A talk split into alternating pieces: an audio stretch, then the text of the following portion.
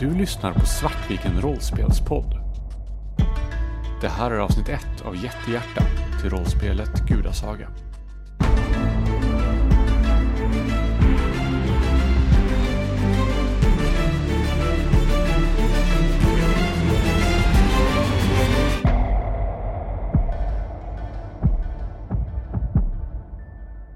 Hej och välkommen till Svartviken rollspelspodd. Idag ska vi spela ett litet spel som heter Gudasaga, som jag har skrivit. Men Gudasaga i det här fallet är sekundärt, för först och främst så har vi en gäst. Förutom de vanliga svartvikarna, som ni vid det här laget känner gott och väl, så har vi dessutom Anna Erlandsson. Hej Anna! Hej, det är första gången jag kommer för ett rollspel i Prio. Det är lite coolt. Det är rätt häftigt faktiskt, det är inte alla som gör. eh, Anna, vi eh, har velat bjuda in dig till podden ett bra tag och aldrig hittat någon bra, så här, något bra sätt att göra det. Eh, Så jag kontaktade Dan Hörning i er, er podd som ni, du snart ska få berätta lite om. Och han sa, jag ska fråga Anna. Sen gjorde han inte det, så jag förstår det. Tack Dan. Så sen sprang jag på dig på SF-bokhandeln, där du jobbar, eller hur? Hoppas jag, för du stod bakom kassan. Jobbade, hoppade in, claimade lite XP.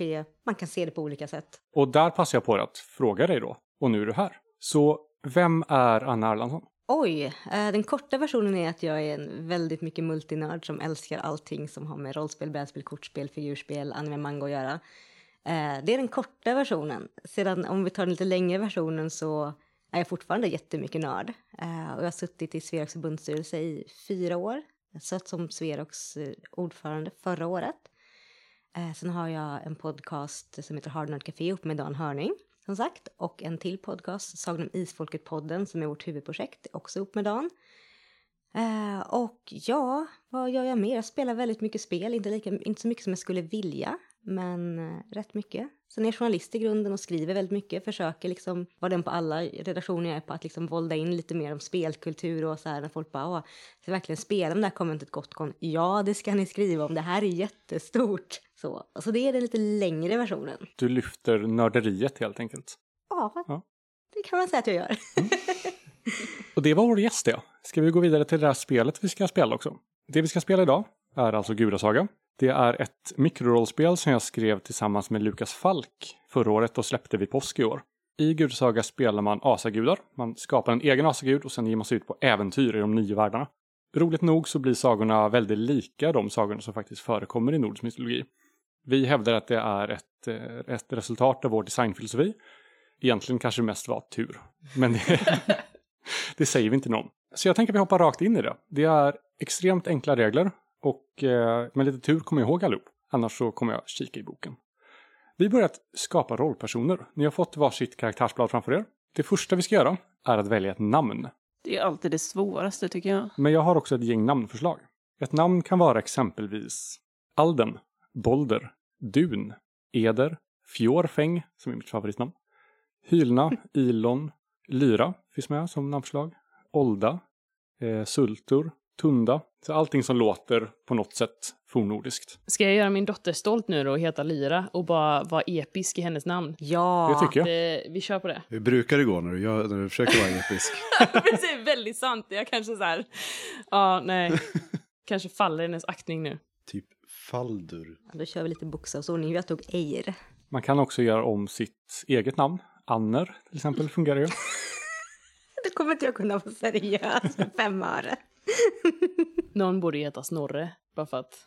Ja, Eddan är ju en väldigt stor eh, inspiration. Vill du kika på Jag vill gärna kika på namnen. Jag har ju Eh, fyllt i mitt namn redan, så någon annan får heta Snorre. jag gillar ju annars Olda. Det. Olda. Mm. Jag kanske ska ha så här dubbelnamn, Lyra-Snorre. Gör Vi kör det. på det nu. Men då har vi alltså Lyra-Snorre. Mm. Börjar bra. Du var Eir. Eir. Christer var Faldur. Falder. Men du kan ju inte välja ett jätteepiskt namn, Christer. Jo, Nej! det kan jag. Du får åtminstone ha någon liten twist på det. Och Anna var Olda. Olda. Tog jag det tråkigaste namnet Jag vet nu? inte, jag tyckte Olda var ganska tråkigt också faktiskt. Ejer är ändå fint. Det är sjukt fint. Det låter Ja. lite norskt. Men det är rätt tråkigt också med för med Lyra, Snorre och Faldur. Ska, ska jag påpeka att jag, jag spelar er i I snö... Eh, Precis, det är äventyr vi släpper Ja. nu som är, eh, vi spelar i Bortom med Robert Jonsson, då spelar... eh, Insnöad heter det. Insnöad, då heter eh, Christers karaktär Eir faktiskt. Nej, på riktigt? Mm, det är en av karaktärerna från det konventscenariot. För årets... Eh, Från Gothcon. årets Gothcon, Nice. Och det är därför jag tyckte det lät norskt, för att det är norskt, antar jag. antagligen. Ja, Robert brukar vara ganska duktig på att researcha sånt, upplever jag det som. Så. Nästa grej är att ni ska välja ett attribut. Det är någonting ni är bäst på. Det kan vara att ni är starkast, snabbast, smartast. Ett, ett positivt attribut som ni är bäst på. Och ni kommer uppenbarligen inte vara starkast, för det är Tor, men ni är starkast efter Tor. Så ni kan fortfarande vara starkast. och man kan bara plocka vad som, det är inte så att man måste plocka från en lista eller... Nej, nej, ta vad du vill. Jag vill nog vara starkast. Det känns som att Olda är en stark person. Det blev så mycket valmöjligheter nu. Jag kände också det, det blev svårt nu. Man vill ju vara bäst i världen, men man bara får välja en sak. Men hade du inte exempel på det i boken också kanske? Räckte inte mina improviserade exempel menar du? Jag är lite frestad utav snabbast, men eh, Där har vi då kvickast, listigast, modigast, smidigast, starkast, störst, mycket S här, träffsäkrast, tålmodigast, uppmärksammast, uthålligast, vackrast eller visast. Jag är lite sugen på att vara störst. För jag, jag räknar det som att jag är typ en jätte då nästan. Jag ska vara störst. Lyra, Lyra snarare är en stor person. Jag tänker då att Olda är en ganska liten person men skitstark. Typ Så- en dvärg. så Men- minst. Ja, Men hon Minst är också starkast. starkast. jag är också starkast. Jag funderar på snabbast eller träffsäkrast. Men du var intresserad av snabbast, eller hur? Ja, jag tänker så här, Du vill kunna springa iväg snabbt när det blir dåligt. så här fysiskt snabb men inte snabb på så mycket andra sätt. Liksom. Men alltså träffsäkrast är ju också en väldigt cool grej. Ja. För då är det, så här, Jag kan tänka att jag kan träffa med allt. Med kniv, med båge, med... det är lite Massa så här, eh, saker. Katniss hits him in the eye every time. Jag tar träffsäkrast. Då tar jag snabbast. Jag vet inte riktigt vad min ska vara bra för. Det, är, alltså, det här spelet, allting är bra i det här spelet. Okej. Det är också en av dess styrkor. Man kan hitta på vad sjutton som helst. Det kommer till användning. Nästa är ert ämbete. Det är någonting, er uppgift i gudavärlden. Det kan vara att ni är en åskgud, en bergsgud, en vingudinna. Eller att ni är en budbärare, en krigare. Någonting som är ert liksom, yrke, ämbete, uppdrag, jobb-ish grej. Har vi jobb? Har vi ansvar alltså? I, Du kan ju vara en vingudinna och bara ligga och supa. Det funkar också. Men det är liksom, varför tillber man dig? Kan man tänka. Innan du sa listan så, så tänkte jag faktiskt att jag vill vara eh, budbärare redan från början. Tänk också på att ni vill göra så breda karaktär som möjligt. Är du budbärare så är du redan snabb förmodligen. Alltså man kan koppla samman dem. Så gör det så brett och så. Alltså de ska vara ortogonala liksom. Ja precis, de ska inte vara streamlinade överhuvudtaget. Jag var lite sugen på att vara budbärare på så sätt att jag liksom fraktar stora saker. Bumlingar eller... Inte att du bara Skepp. kastar, kastar dem efter folk. Stora personer som, Precis. som är bäst på att vara störst. Fraktar skepp långt liksom. Oh. Alltså, hur, Kastar saker. hur specifik kan man vara? Kan jag, typ så här, kan jag säga typ att mitt jobb är att hålla upp solen eller något så här? Eller blir det jättejobbigt? Så den, det är en av få saker som kanske är meningslösa i det här spelet. I found the one thing! Vad är lyrasnåret bra på? Vad är mitt jobb? Du kan vara hungerns gud. Vi har haft någon som spelade morgongrötens gud. Oh. Det är faktiskt väldigt coolt. Hantverksgudom. Jag vill vara havens gud. Yes, vatten är, är populärt i det här spelet har vi märkt. Är det det? Det är många som vill spela havsgudar och, och sånt. Så det är, och det har ju fungerat bra hittills, så kör på det. Nej, det kör vi på. Jag funderar på om jag ska vara sån, någon sportgud. Så jag funderar på att vara så här, typ kulkastningens gud. Du kan bara vara sportens gud. Men det är mycket roligare att vara kulkastningens. Jag tänker att det är en stor grej. Eller Ja, om du vill. kan man kasta, det fanns ju man kan kasta... st- Nej, jag är kulkastningens gud. Jag, jag tänker nog så här, de små fluffiga djurens gud. Ja! Kör på det. Ekorrar, katter, hamstrar. Ja, precis. Ja, det ska ju också sägas då, jag är ju de stora budens gud, inte de små gud- buden. What does that mean? Man betalar extra om man vill ha ett extra stort bud. ja, precis. Du är Postnords... Eh,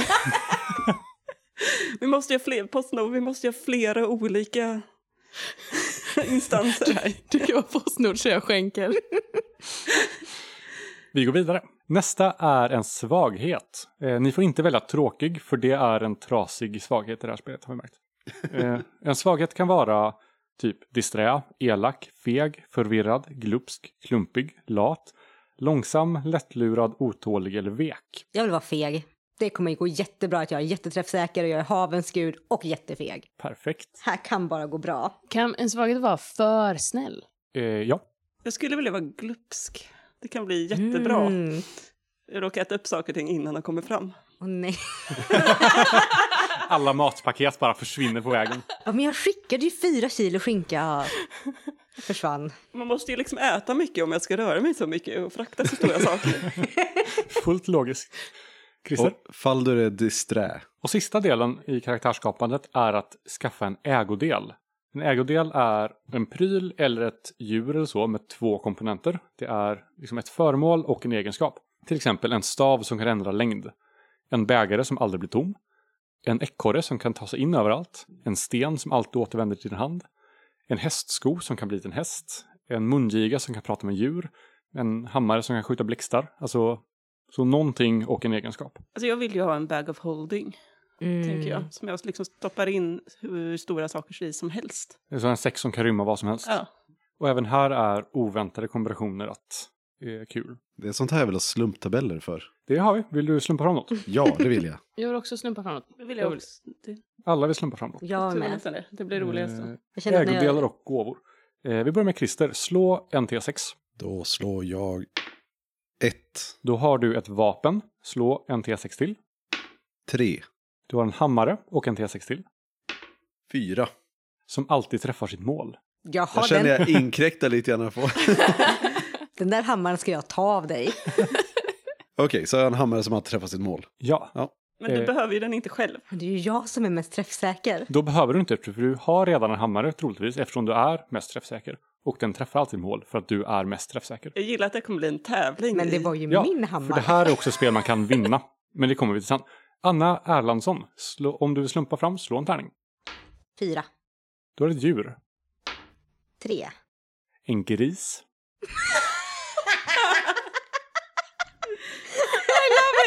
Ja, en That's great! Som kan ändra storlek.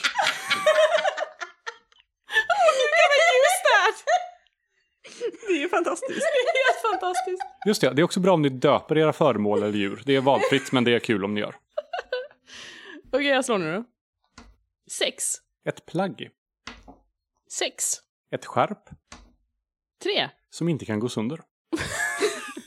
Okej. Ja, vi kör på det. Mm, jag vill också slumpa. Två. Ett föremål. Sex. Ett bestick. Ett bestick. Tre. Som kan duplicera sig själv. Det passar jättebra med att jag är glups. då. Jag har en, en gaffel som kan bli hur många gånger som helst. Vad var det? Jag hade en gris som alltid... Som kan ändra storlek. Oj.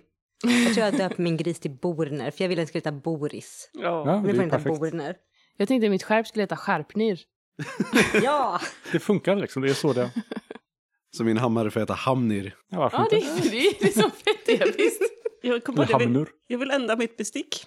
Och det ska heta Sporkner. Ja, men såklart!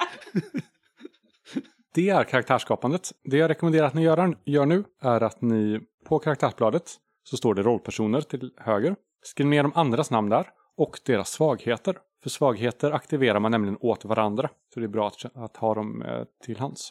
Det här är sagt ett spel som man kan vinna. För när man ger sig ut på äventyr så ställs man, ställs man inför prövningar. Den som vinner en prövning får ära. När ni får ära så lägger de ni, ni dem på ert rollformulär. Den som har flest ära när äventyret eller sagan är slut, den vinner och får ett föremål. Oh. Som man då kan ta med sig på, i framtida äventyr. Det kommer fungera så att ni kommer ge er ut på äventyr. Ni kommer ställas inför en prövning. Första prövningen kommer den som tar initiativet och först beskriver vad den gör att få initiativ på. Då får man den här lilla hammaren. Därefter så kommer den här hammaren vandra ett steg åt vänster hela, hela tiden. Det vill säga att om du inte har hammaren så får du inte försöka dig på prövningen. Du kan försöka dig på en prövning genom att använda ditt attribut, ditt ämbete eller din ägodel. Om du använder ditt attribut, attribut så får du ett högmod direkt. Eh, och du får slå tre tärningar. Du vill komma upp till åtta eller mer för att lyckas med en prövning. Om du använder ditt ämbete så får du plus två på slaget. Och om du använder ett, en ägodel får du plus ett på slaget. Vi kommer gå igenom allt det här när det blir aktuellt sen. Ni kan också erbjuda hjälp till varandra genom att ge bonusar. Så då får man plus två på slaget och den som hjälper får sänka sitt högmod. Varje högmod man har ger minus ett på tärningsslaget. Så har du tre högmod så kommer du få minus tre på alla dina tärningsslag. Man kan också sabotera för varandra, eller stjälpa. Det gör man då med varandras svagheter. Så låt säga att, eh, Asfaldur ska gå fram till ett, eh, till ett troll, säg. Så kan Anna säga att men är inte du rätt i strä? Ser inte du någonting som glänser där borta i buskaget? Då blir du saboterad för. Då kan du välja att antingen eh, godkänna saboteringen och ta bort allt ditt högmod. Men då får du inte försöka slå liksom. Eller så kan du säga, nej men jag står emot min svaghet den här gången. Då får du två högmod, men du får försöka. Man kan sabotera för sig själv om man vill rensa sitt högmod. rejält. Och när var det man vann igen? När man fick... Eh... Vi kommer köra ett, eh, genom en förberedd saga som man inte får deraila, Moa. Nej, nej. Det är ett väldigt rälsat spel fast på ett bra sätt tror jag. Och man får ära då när man vinner en, övervinner en prövning. För varje person som misslyckas med en prövning så första försöket kommer vara en ära. Om det är Anna som gör den och misslyckas så kommer turen gå vidare till Christer. Då är den prövningen värd två ära och så vidare tills dess att någon klarar den. Man kan nämligen inte misslyckas i det här spelet. Det är inte en fråga om om man lyckas med en prövning utan vem som gör det och hur man gör det. Och man använder då sina attribut, ämbeten och ägodelar för att beskriva hur man övervinner prövningen. Det här låter jättespännande. Vad bra. Mm. Hoppas att du tycker det även efter vi har spelat. Mm. Beror på hur många som saboterar för mig. Ja, man får bara sabotera för en person en gång under en prövning. Så man kan inte liksom spamma sabotage. Ska vi köra? Ja, visst. De fyra gudarna är ute på promenad i Jotunheim, i jättarnas land. Ni kommer upp på en kulle och nedanför den här kullen, långt ner på en vid slätt, så ser ni en gigantisk borg. Det är en av de största borgarna ni någonsin sett och ni har sett rätt stora borgar i era dagar. Till den här borgen så löper en, en lång kö med jättar. Jättarna går in i borgen och de släpar med sig olika tunnor med förmodligen innehållande öl eller mjöd eller eh, något ätbart. De har eh, vagnar med presenter ser det ut som och vackra föremål. Och alla ska in i den här borgen. Ni går ner till borgen. För det här verkar vara fest på gång. Och ni kommer in i borgen och ser att det står bord efter bord bara uppdukade med tallrikar av guld och silver och det är mängder av jättar här och det är ett fantastiskt klimat. Alla är glada, det här verkar vara en, en fest som man bara inte får missa. Och ni bestämmer er mycket riktigt för att den här festen, den ska ni inte missa. Men i den här glada stämningen så är det någonting som bryter av. På en gigantisk tron längst bort i salen sitter en, en bjässe till jätte. Han är stor för att vara jätte. Han sitter i, på den här tronen med ansiktet begraven i ena handen och ni kan höra hans, hans hulkanden och hans gråt genom hela salen. Det här är uppenbarligen kungen till den här borgen. Hans gråt ekar genom salen, men alla andra jättar verkar lite besvärat ignorera honom eller inte låtsas om honom som att det blir nog bra, de fortsätter. En första prövning kommer här. Den går ut på att ni ska försöka ta reda på vad det är som ligger bakom det här. Så den som känner att ni har en idé för hur ni ska göra det med det som finns på ert karaktärsblad kan ta initiativet och sen beskriva hur ni går tillväga för att försöka ta reda på vad som ligger bakom. Hmm. Jag skulle kunna testa. Jag har ju attributet störst. Och Jag tänker det är för att eh, min far, han var jätte. Men min mor var asa, gud. Så eh, jag vet kanske, har lite koll på customs och liknande, så jag vet kanske rätt tilltal för den här kungen så man kan gå fram och, ja, Och prata. precis. Mm. Det får du göra. Då kommer du få slå tre tärningar. Du kommer få ett högmod efter slaget, så du slår utan modifikation. Eller med, med ja, tre tärningar Mm. bara. Och sen vill jag också att du spelar ut vad det är precis. du gör. Men ska jag slå först? Du slår först. 15. Du lyckas med bravur. Grattis, du får ett ära. Thank you. Och du kan skicka hammaren vidare till vår Anna. Eh, Jag får väl ett högmod också nu? Ja. Då. Och den här jätten sitter och han, han gråter så mycket att det, det bildas pölar på golvet framför tronen. O ärade jättekung av stor sten och åldrat trä. Vad är det som fattas dig? Jo, du förstår att min, min älskade har, har lämnat mig. Hon har lämnat mig för min bror. Min hemska, hemska bror. Åh nej, stora jättekung. Jag lider med dig. Vad kan vi göra för att göra din plåga lite lättare? Ni kan, ni kan bege er till, till Beronsborg och, och hämta tillbaka min stackars fiola. Vid min ära som jätte så ska jag göra dig till lags. Jag går ner på knä på jättevist. Jät, jättevis. Du kan se hur någonting väcks i hans ögon igen. Han torkar tåren med en gigantisk, ett gigantiskt finger. Det här är de bästa nyheterna jag har hört på flera hundra år.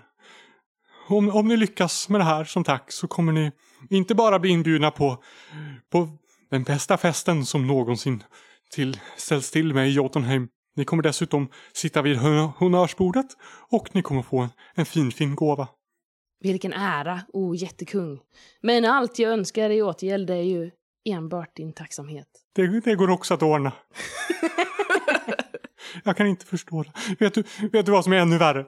Beron skickade bud att de ska gifta sig. Och här sitter jag och förbereder förlovningsfesten till Fela för att visa min kärlek till henne. Och så ska hon gifta sig med Beron. Så vi ska alltså åka och hämta en som ska gifta sig med en annan. Här kan, Oh, well. bara, här kan bara gå bra. Vi ska inte göra dig besviken, o jättekung av gammal sten och åldrat träd. Vi, ska, vi, är, vi är dina eviga tjänare. Och så backar jag bak på jättevis. Du kommer tillbaka till dina gudafränder. Eh, så eh, kungens ex ska gifta sig med en annan och han vill inte det. Så han vill att vi ska åka och hämta henne. Någon som är på.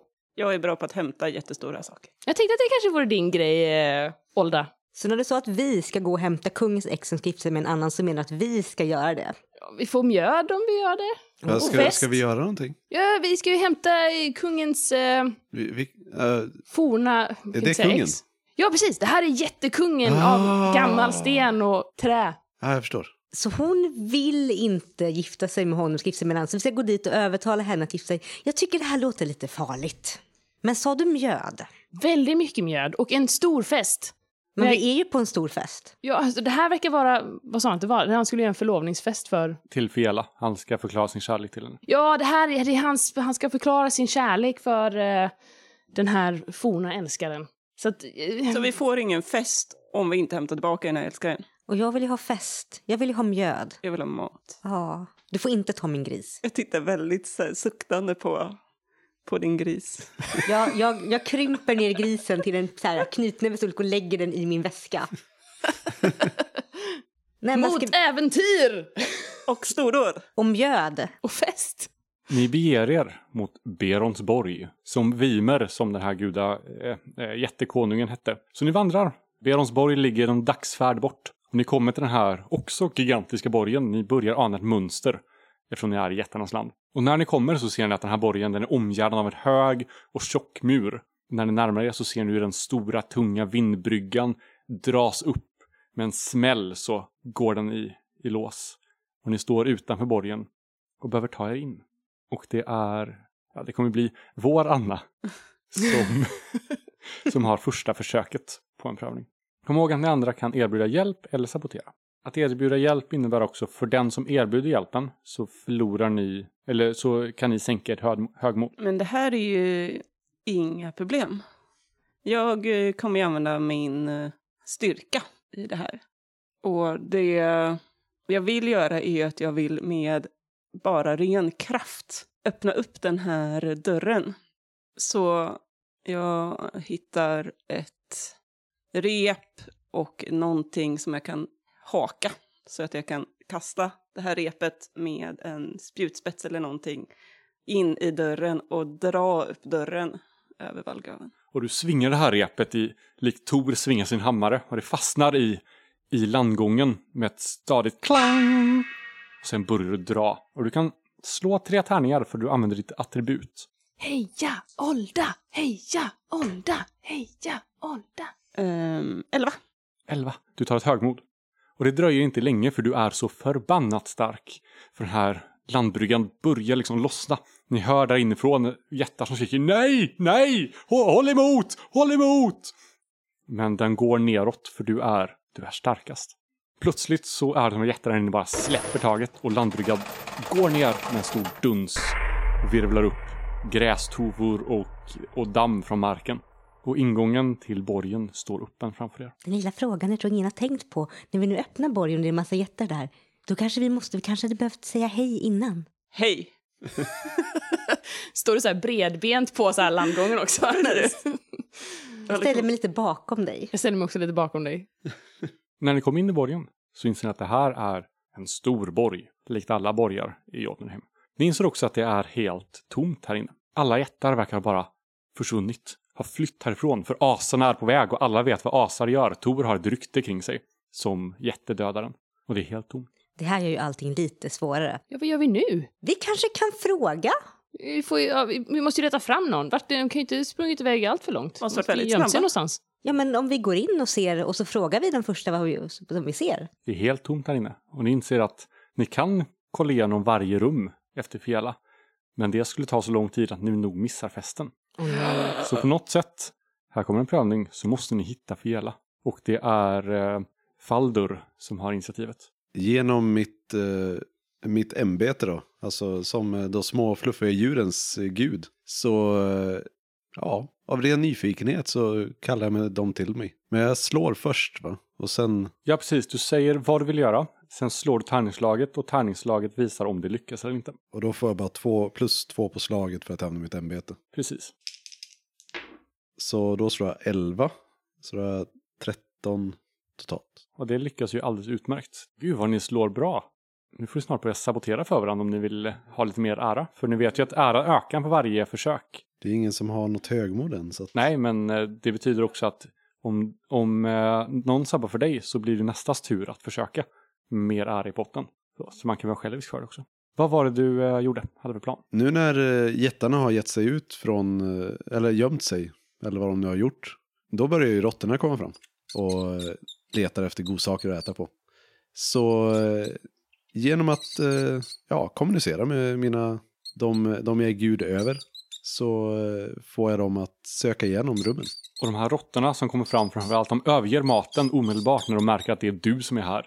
Deras, deras gud. Och de ger sig in i varenda rum, varenda skråma.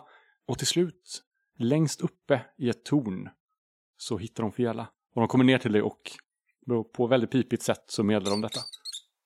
Och ni kan följa efter dem. Jag börjar ju på följa de här, de här råttorna som kommer ner till mig helt enkelt. Och ni allihopa följer med fram till, upp på de här cirklande trapporna, upp i tornet. Där ni kommer fram till en enda dörr med en stor, tung regel som ni måste få upp för att kunna komma in i rummet. Är den låst från utsidan? Ja, för det verkar som att någon vill hålla någon inne. Vilken oskön Oh. stil! Jättedålig stil. Ja. Mm. Riktigt taskigt, det tycker vi inte om. Nej, tycker vi inte alls om. Här, nu är det ännu mer eh, angeläget om vi ska faktiskt få hem henne. Eh, hur ser regeln ut? Det är en tung, tung regel av bastant ek. Men det är inte vilken ek som helst, det är jätteek. Och den är så tung att det inte det räcker inte med vanlig eh, gudastyrka för att få upp den. Hur ser resten av dörren ut? Det är en stor, stor dörr av bastant trä. Hmm. Jag tänker först och främst, jag tittar lite grann på dörren, sen tänker jag faktiskt göra så att jag knackar på dörren lite försiktigt. Och eh, frågar, eh, ursäkta vi är här, vi är här med bud från din, eh, en vän till dig, som du kanske känner. Du hör snyftanden där inne, men du inser att du måste ta dig in genom dörren för att kunna prata med henne. Och för det så måste du använda någonting som står på ditt rollformulär. Ja. Hur funkar det med att hjälpa? Om Mm. jag får... Då säger du att Eir, jag vill hjälpa dig. Och du får motivera då hur du hjälper till. Eir kan välja att godta hjälpen, vilket betyder att hon får plus två på sitt slag. Eller så kan hon välja att neka hjälpen, men det ger henne ett högmod direkt. Hur mycket får man eh, alltså etablera liksom, i scenen? Typ hur mycket som helst som inte innebär strutsar. Men strutsar är mysiga. Lyfts regeln uppåt? Eller Om- skjuts åt sidan? Det beror på vad du vill göra. Alltså allt sånt här är, det skapas allt eftersom. Jag eh, tittar lite grann på regeln och inser att jag inte kan göra så mycket med den. Men jag har en gris som kan ändra storlek. Jag plockar fram grisen, sen pratar lite grann med den och säger bara, men om, skulle du, om du ökar storlek skulle du nog kunna knuffa undan regeln lite grann. Och om du knuffar undan så kan vi nog faktiskt, så kan vi faktiskt putta upp regeln så mycket även fast ni är av jätteek. Jag skulle vilja sabotera för Eir. Varför hatar du min gris? Men först har vi ett eh, förslag om hjälp. Vill du fortfarande erbjuda din hjälp? Ja, Eir, jag, jag kan hjälpa dig. Jag tänker så här. Jag är ju faktiskt kulkastningens gud. Och jag ser här ute i de här fönstret att det finns ett fönster runt omkring det här hörnet så jag skulle kunna lobba ut dig genom fönstret och in så att du kan prata med henne. Det är ju en ännu bättre idé, säger jag och stoppar ner grisen i väskan. Men det är det inte. För din hjälp får inte vara en ny lösning. Det får bara vara komplement till den redan föreslagna lösningen. Ah, okej. Så du kan eh, lobba in grisen. Nej, inte lobba in grisen. Kulkastning. Den är ju lite rund grisen. Vi skulle ju kunna göra så här jag skulle kunna kasta grisen och i perfekt timing med att den växer så då blir det som snöbollen som rullar ner för, för backen som blir bara större och då blir det momentum och då har den sönder dörren. Men tänk ifall den krossar Vinella. Men din gris ser ganska så tuff ut. Den klarar nog det. Men tänk ifall inte hon klarar det. Den stora frågan är, vill du eh, godta hjälpen eller eh, neka den? Jag tänker nog neka den med argument att det kommer nog faktiskt göra sönder den som är på insidan. Då tar du ett högmod, för det du egentligen säger är att jag klarar det här själv. Så då tar du en blå sån. Och sen då så har vi Anna som vill sabotera för dig. Hur eh, sabbar Aish svaghet för det här? Du, Eir, har du tänkt på hur stor den där bjälken är? Det måste ju vara till för att vakta någonting riktigt, riktigt stort och farligt som finns där inne. Är du säker på att du vågar släppa ut det? Gudasaga skrivet av Kristoffer Warnberg och Lukas Falk och utgivet av Bläckfisk förlag. Jättehjärta skrivet av Kristoffer Warnberg. Musiken är gjord av Alexander Bergil.